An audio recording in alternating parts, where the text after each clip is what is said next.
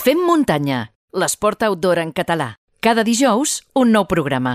Molt bones, Xavi. Què tal, família muntanyera? Doncs he canviat la píndola quan aquest matí he conegut la notícia de la mort de l'Andrea Husser, que encara que fos una mica desconeguda pel gran públic, era una gran ultrafundista i tot i que ja n'heu escoltat a parlar al programa, per conèixer millor la seva història us recomano l'article de l'Albert Jorquera a Ronèdia. Ja feia uns dies que tenia pensat parlar dels límits, aquella línia imaginària que marca l'abans i el després de la vida d'una persona. I volia fer després de la discussió pública del Kilian Jornet amb la Mireia Boia, una política catalana que posava en dubte la necessitat de publicar depèn de quines coses per les xarxes socials i la discutible alineació de les accions del Kilian amb els valors que promulga de respecte per la natura. La cosa va anar agafant cos després de l'intent fallit del rècord del Kilian de les 24 hores en pista que va patir importants problemes físics que el van a l'hospital i després de conèixer la mort de l'Andrea he pensat que no podia esperar més. Um, els límits ens els posem nosaltres, tenint en compte la nostra condició física, els nostres valors i la percepció que tenim de la realitat. Això significa que aquests són personals i intransferibles. Així doncs, ningú que veiem per xarxes socials pot ser un exemple per nosaltres. En tot cas, una referència. Però tampoc poden ser els ases dels cops pel simple fet de fer coses que rebassarien els límits de qualsevol persona, però potser no d'ells. Aprofito per recordar des d'aquí a tots els guardians de les essències, inquisidors de la moral i opinadors de paraules tan infinites com estèrils, la diferència entre els límits percebuts i els límits reals.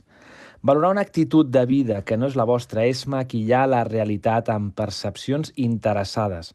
La pregunta que us faig és, però qui collons us heu pensat que sou? Quin drets us penseu que teniu pel simple fet de viure de nosaltres? La veritat és que admiro la gent que és capaç de posar-se a prova constantment, jugant amb els seus límits per tal de créixer i millorar des de la preparació i previsió total i absoluta. Però encara els admiro més per ser conscients, coherents i conseqüents amb una manera de viure i veure les coses que els porta a un autoconeixement tal que els permet anar per la línia imaginària com un funambulista que sap el perill que té caure, però que també creu incondicionalment en les seves possibilitats, condicions i preparació. Per tant, on són els límits dels límits? I qui sóc jo per jutjar els límits de qualsevol altra persona? Hi ha un dret fonamental que està per sobre de tot això, i és el dret de cadascú a ser i viure com ell vulgui.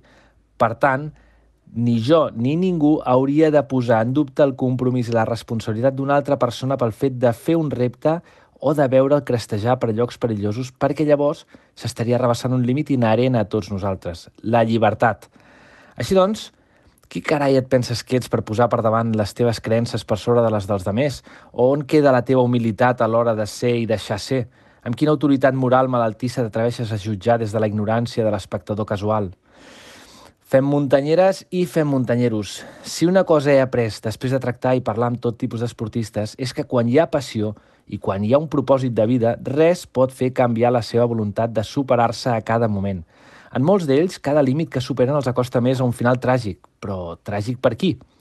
Per nosaltres que seguirem aquí omplint línies de banalitat, però la realitat és que una part de deixar viure una persona és deixar-la explorar els seus límits, encara que això signifiqui el final del seu camí.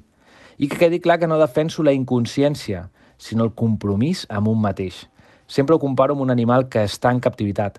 Viurà feliç una mort propera a en lliure, vivint la seva essència, però morirà en vida una vida llarga, engaviat no podent ser ell mateix.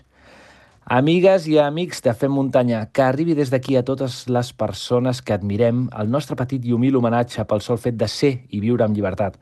Gaudirem de la seva vida com a espectadors de luxe i celebrarem la seva marxa amb dolor, però sense retrets pel simple fet d'haver estat fidels a ells mateixos. Jo només demano que el dia que la parca em vingui a buscar que em trobi amb un somriure als llavis i el cor ple d'experiències felices com segur que ha trobat els que, buscant els seus límits, vivint la seva llibertat, ens han deixat i ens deixaran al llarg dels anys. Bueno, Xavi, que la vida ens reservi molts moments de felicitat encara. Apa, doncs, i fins la setmana vinent. Visita la nostra web femmuntanya.cat